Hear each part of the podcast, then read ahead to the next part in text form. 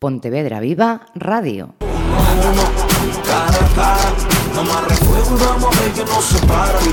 Cara a cara, frente a frente otra vez. El clúster Saúde de Galicia mira estos días en Pontevedra a las ciudades a través del Fórum Internacional eh, RIES, una propuesta que analiza el impacto que el entorno tiene en la mejora de la salud y en la calidad de vida de las personas que las habitan.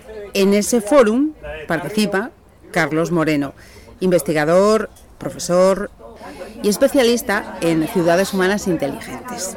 Y añadir además que es asesor de la alcaldesa de París. Carlos Moreno, muchísimas gracias por atendernos lo primero. Un placer de estar en Pontevedra y de estar en esta entrevista. Eh, Carlos, em, la, filosofía, el objetivo que, que proponen ustedes los expertos es conseguir ciudades inteligentes, saludables, amigables, vivas, ciudades humanizadas. Esa consecución, por lo que he leído de, usted, ha de ser em, realizada o resultado de las decisiones de las personas, ¿no? Eh, con la ayuda de la innovación tecnológica. Como punto de partida, eh, planteo, ¿sería ese el, el, primer reto? Conseguir unas ciudades humanizadas cuando las sociedades parece que estamos cada vez más deshumanizados. Sí, exactamente, es una buena pregunta y un buen resumen de la encrucijada que se presenta hoy en día en el mundo urbano.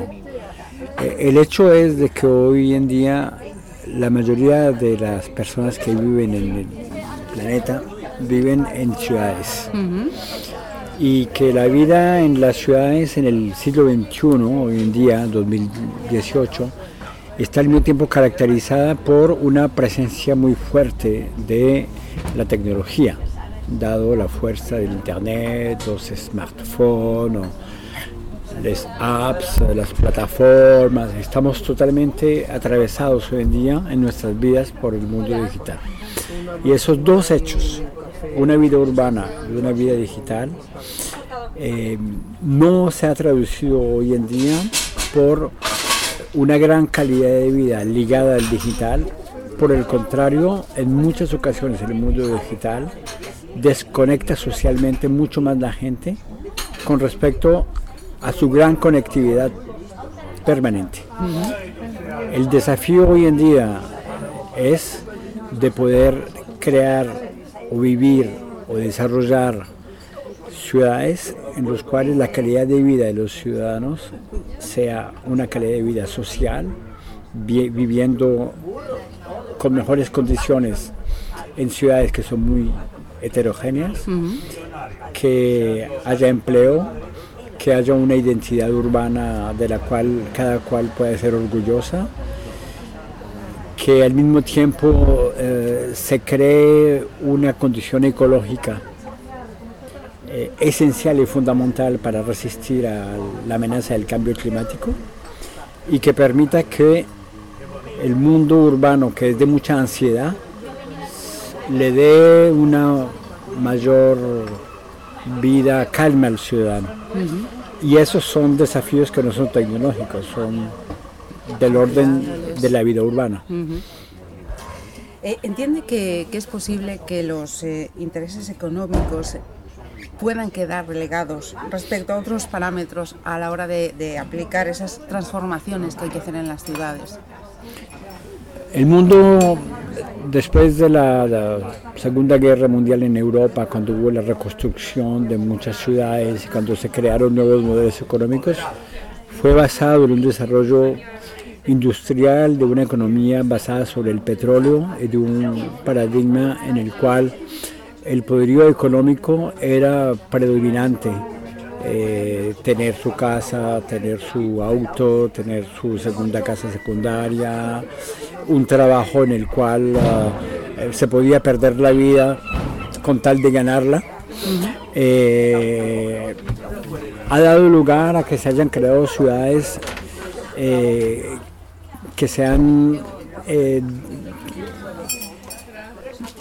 que han sido muy minerales, que han sido poco humanas, que no han tenido biodiversidad, se le da la espalda a la naturaleza, eh, se ha omitido lo que es rescatar el agua y estamos pagando muy caro 70 o 80 años de urbanismo eh, deshumanizado. Hoy en día necesitamos Dar la vuelta. y decir que eh, la calidad eh, de la vida urbana está en una calidad de vida en el cual eh, la naturaleza está presente, se consume y se produce en circuitos cortos, la agricultura urbana sí se puede realizar como una manera no solamente de aprovisionarse, sino igualmente de crear un vínculo social. La cultura es, es importante, educar a los jóvenes en una cultura del servicio y no de la propiedad, que el, que el auto o el coche no es un estatuto social, sino es simplemente una herramienta más, como muchas otras, que el transporte público no es para los pobres y los coches para los ricos, que el transporte público es viable para todo el mundo, pobre o rico o cualquiera que sea su estatuto social. Entonces necesitamos eh, dar la vuelta a ese Planteamiento. planteamiento del modo de vida urbano. Y eh, la, la siguiente pregunta que le quería eh, plantear eh, mira al, al contexto español. ¿Cómo, cómo podemos hacer eh, ciudades habitables si el acceso a la vivienda es, si no el principal, uno de los principales problemas que tienen sus ciudadanos? Es una muy buena pregunta, que es viable en España y viable en muchas partes del mundo. Cuando, cuando se observan las necesidades principales del urbano hoy en día, efectivamente el acceso a, la vivienda eh, eh, es esencial porque es eh, uno de los principales gastos del urbano hoy en día en su familia. El acceso a la vivienda, la alimentación, eh, ocio, la, comunicación y el transporte. Son los principales Gastos. gastos. El ocio, por ejemplo, hoy en día es lo que queda de todo esto.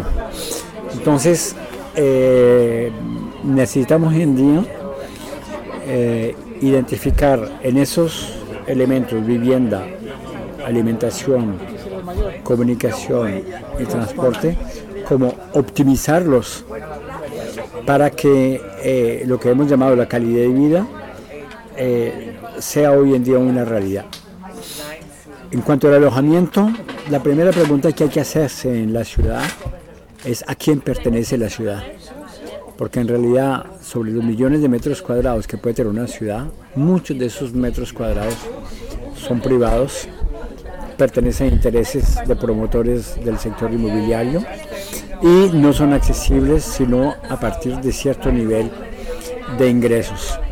Y por lo tanto se producen eh, situaciones de exclusión social que conllevan igualmente un círculo vicioso de incultura, falta de educación, falta de acceso al empleo y el clima de la ciudad se degrada o, peor aún, se crean guetos urbanos en los cuales la situación social es muy heterogénea y es lo que ha pasado en muchas partes del mundo con los lugares de vivienda social, de vivienda subvencionada, de desempleo.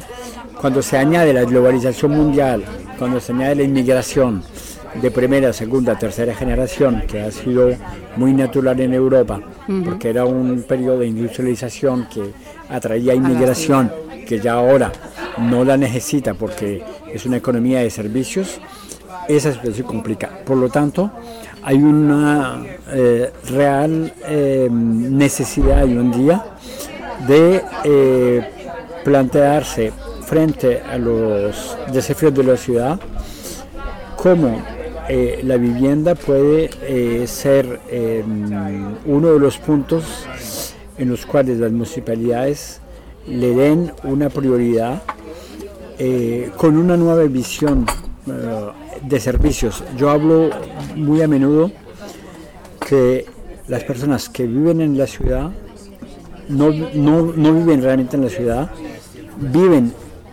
en, en- en un apartamento o en un lugar en donde pernoctan, pero no tienen la capacidad para vivir y, y aprovechar de los servicios de la ciudad. Yo digo que una de las principales transformaciones urbanas necesarias para humanizar la ciudad es poder pernoctar en un lugar y vivir en la ciudad. tener acceso a los servicios de la ciudad, tener acceso a la cultura, tener acceso al ocio, tener acceso a la gastronomía, tener acceso a- Al deporte, a- al deporte. al- Y pienso que el modelo económico de la ciudad va a cambiar. Como el modelo económico del turismo ha cambiado con plataformas como Airbnb, como el modelo de la movilidad ha cambiado con plataformas como Uber, como el modelo del comercio electrónico ha cambiado con Amazon, el modelo de los medios ha cambiado con la digitalización, Facebook y las redes sociales, el modelo de vivienda va a cambiar y vamos a ir sobre- en un modelo nuevo en el cual el, el alojamiento será un servicio, como la movilidad será un servicio, como el comercio es un servicio, como el turismo es un servicio. Y lo que implica que en un tiempo dado, de aquí a unos años, yo ya no estaré pagando simplemente un alquiler o eh, un reembolso por metros cuadrados en los cuales yo pernocto sin vivir, porque el dinero se me va ahí, sino que al mismo tiempo que yo alquilo un apartamento o que yo pago una, un- reembolso, me incluye un package de servicios urbanos accesibles a la ciudad Ajá. para que pueda utilizar la ciudad como lugar de vida y no solamente Mi los metros cuadrados en los que estoy adentro. Ajá. Ojalá, ojalá sea así. Hablamos de, de ciudades inteligentes, saludables, amigables, humanizadas y lógicamente, entiendo, más seguras. En este aspecto último, eh, el terrorismo internacional es una amenaza que tienen que tener presentes las ciudades de- del futuro. Sí, claro. Eh, la semana pasada di una conferencia en París invitado por los principales eh, actores eh, franceses de la lucha antiterrorista y tuve la oportunidad de asistir el año pasado a reuniones de muy alto nivel internacional sobre el terrorismo porque París ha sido una de las ciudades eh, bastante Castigadas. castigadas ¿no? por, el, por el terrorismo radical de ISIS, eh, el Estado Islámico. Eh, eso hace que uno de los puntos de la ciudad que evocaba anteriormente es el carácter de ansiedad que se vive. La ciudad se ha convertido en un elemento de ansiógeno. Y no es una casualidad que el terrorismo eh, ataque los eh, espacios públicos, los bares, los restaurantes, como fue el caso en París, eh, el Bataclan, que era un lugar de jóvenes que escuchaban un concierto, porque es el corazón de la vida urbana. Lo vemos aquí en Pontevedra, cuando los coches desaparecen y que se concibe el espacio público como un lugar de encuentro, la vida está allí. Y por lo tanto aquellos terroristas que quieren acabar con la vida Van a va- mirar ahí. van a mirar allí, es más importante. Que eh, en el terrorismo en los años 70 o el terrorismo atacaba el patrón de una empresa o, o un militar, hoy en día es la vida. Entonces, el, el desafío hoy en día es poder integrar la fragilidad de la ciudad. Porque cualesquiera que sean los eh, sistemas de prevención, eh, lo inevitable no existe. Todo puede producirse en un momento dado. Pueden haber muchísimas medidas para evitarlo, eh, pero lo imprevisible es siempre posible que se produzca. Entonces tenemos que hacer un trabajo de mucha profundidad intelectual, cultural, para que nuestros eh, ciudadanos que viven en las ciudades puedan integrar que es algo que aunque sea bárbaro y atroz, puede ocurrir. Y que es la obra de uno, dos, tres, cuatro terroristas, o cinco, diez, o quince, o veinte, pero que eso no debe colapsar la ciudad y no debe crear un sistema social de, por ejemplo, de rechazo de comunidades eh, o de rechazo de gente que practica una religión y que no son representativas. Eh, si tomamos el caso de Estados Unidos de América, por ejemplo, hoy en día eh, hay muchos más muertos por ataques de, de, De armas. sniper Sí, sí. Eh, que eh, de accidentes eh, urbanos. Ajá. No son islámicos todos, no son, es una realidad de un mundo urbano muy, muy frágil, ¿no? Por eso decía en esta conferencia hace tres, hace, sí, tres días que mm, hay que recrear algo muy importante a nivel urbano que es la confianza, la buena reputación y, la, y el valor social, para darse herramientas que permitan luchar antes, durante y después de ataques de ese tipo. Confianza porque lo que se pierde cuando se producen esos ataques es la confianza. La confianza hacia la gobernanza local, la confianza hacia el que se llama Mulud, o que se llama Ali, o se llama Mohamed, o se llama Laila, o se llama Carlos, o se llama Pedro. Eh, hay que guardar un- una línea de conducta de confianza, hay que guardar una línea de valor social que los unos y los otros Confíen. confíen y vivan juntos, a pesar de que practiquen confesiones distintas. Y de reputación, porque cuando se pierde la reputación y que todo el mundo entra en un clima diciendo De eh, estamos en conflictividad, el tejido social se disloca. Ajá. Y es lo que quiere el terrorismo mundial, dislocar el tejido urbano. Eh, estos días ha trascendido un estudio americano sobre tendencias de, de calidad de vida en diferentes países. Dice ese estudio que en, en 2040 España eh, podría ser el líder eh, mundial, con lo cual eh, nuestra eh, expectativa media de vida serían los 85 años. Sí, lo vi. Líderes. Eh, ese tipo de, de- de tendencias eh, son también otro de los factores a tener en cuenta en el diseño de- de- las ciudades. Pienso que hay dos factores a tener en cuenta. Sí, sí vi ese estudio sobre la longevidad y la calidad de vida, en particular en España como país eh, del sur mediterráneo. Eh, claro que sí, hay que tenerlo en cuenta porque obedece a factores, como decía inicialmente, eh, socioculturales. Vivir en la ciudad es eh, un, un acto social, un acto cultural, un acto económico, un acto ecológico. Y cuando no hay ansiedad, igualmente es un acto psicológico hay que darle la posibilidad a la inteligencia emocional de expresarse en el mundo urbano y es uno de los factores de más, de más estabilidad y de más progreso. Los países del sur, España, Portugal, Grecia, el sur de Italia en particular, son los países que benefician del más alto coeficiente de inteligencia emocional urbana.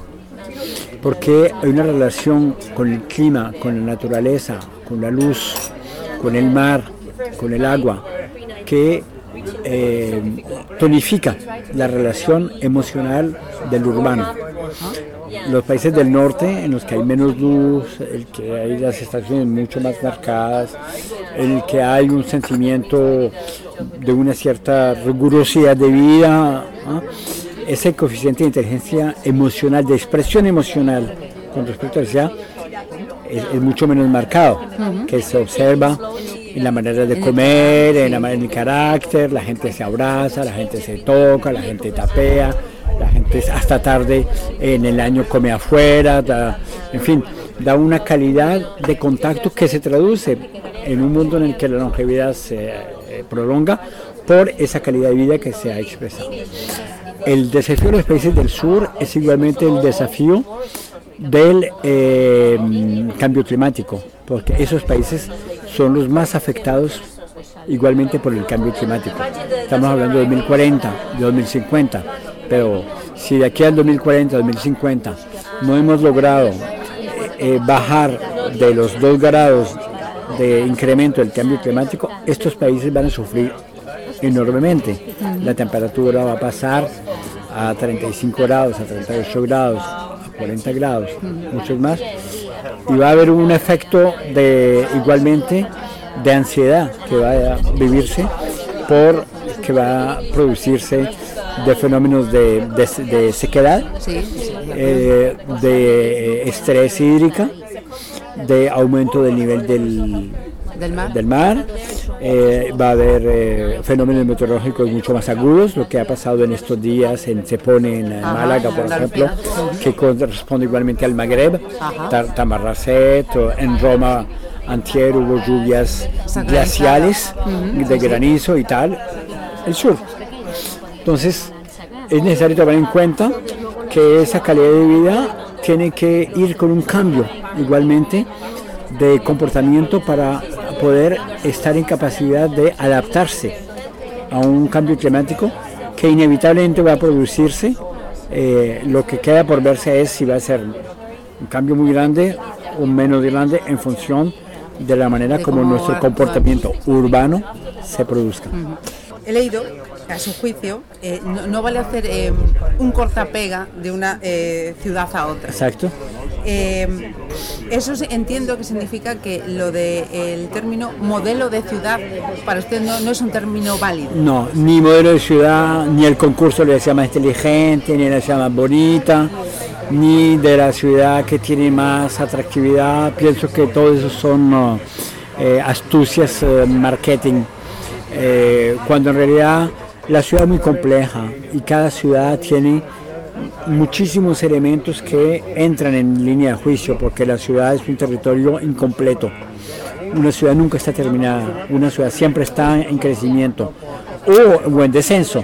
Unas ganan habitantes, otras pierden habitantes, pero una ciudad nunca es estática. Está viva. Tenemos ciudades que viven y que viven desde hace milenios. Muchas ciudades son milenarias, desde tres, el Cairo hace tres, tres milenios que existe, París eh, dos milenios. eh, hablaba aquí en Pontevedra de las, ru- las ruinas romanas, estamos hablando de la vía 19 que venía desde Roma en la época de la conquista de los romanos, estamos hablando de dos mil años.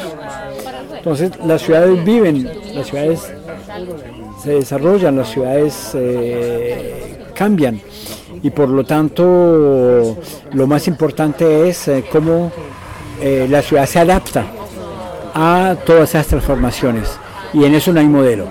Yo digo, en cambio, que viviendo en un mundo urbano en el que 750 ciudades mundiales generan 60% del PIB mundial, que 140 ciudades europeas generan la mitad del PIB europeo, lo que hay son muchísimas fuentes de inspiración. En bien o en mal, pero hay muchísimas fuentes de inspiración y la riqueza del mundo urbano es de poder identificar en esa complejidad urbana cuáles son las fuentes de inspiración sobre las cuales se pueden imaginarse cosas nuevas aquí o allá. Pontevedra es una fuente de inspiración por la- su capacidad a generar calidad de vida urbana con el desafío climático y el hecho que los coches eh, no sean el objeto central de la ciudad, sino un elemento más de la ciudad.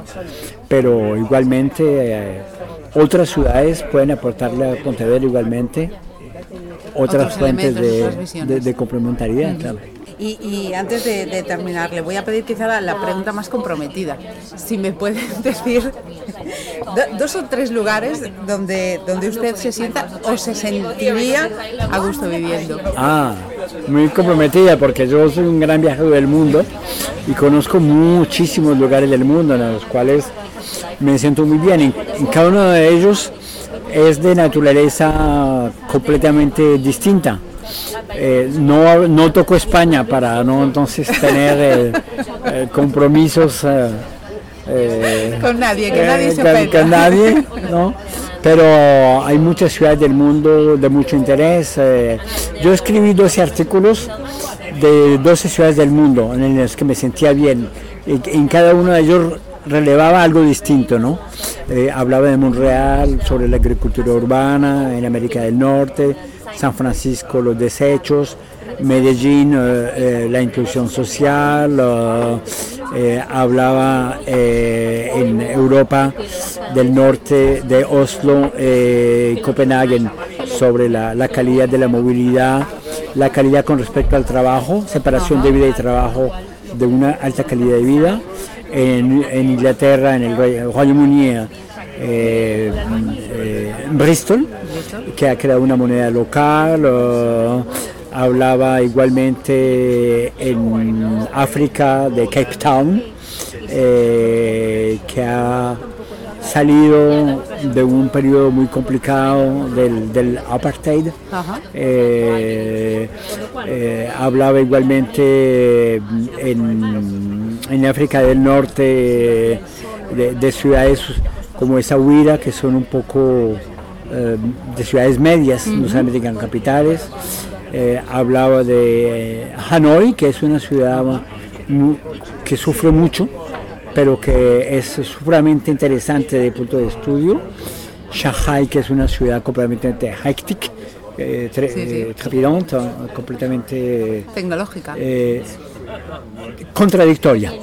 Contradictoria. Tecnológica e igualmente deshumanizada, pero igualmente con barrios muy populares, eh, interesante. Yokohama en Japón, eh, que es una ciudad de mucha inclusión social.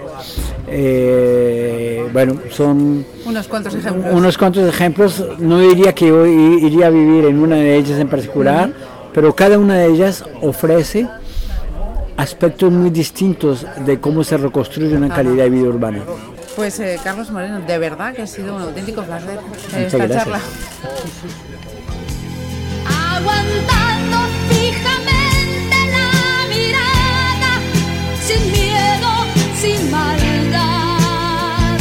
Esta noche tenemos cara a cara. Cara a cara, nos volvemos a ver. Pontevedra Viva Radio. Ah.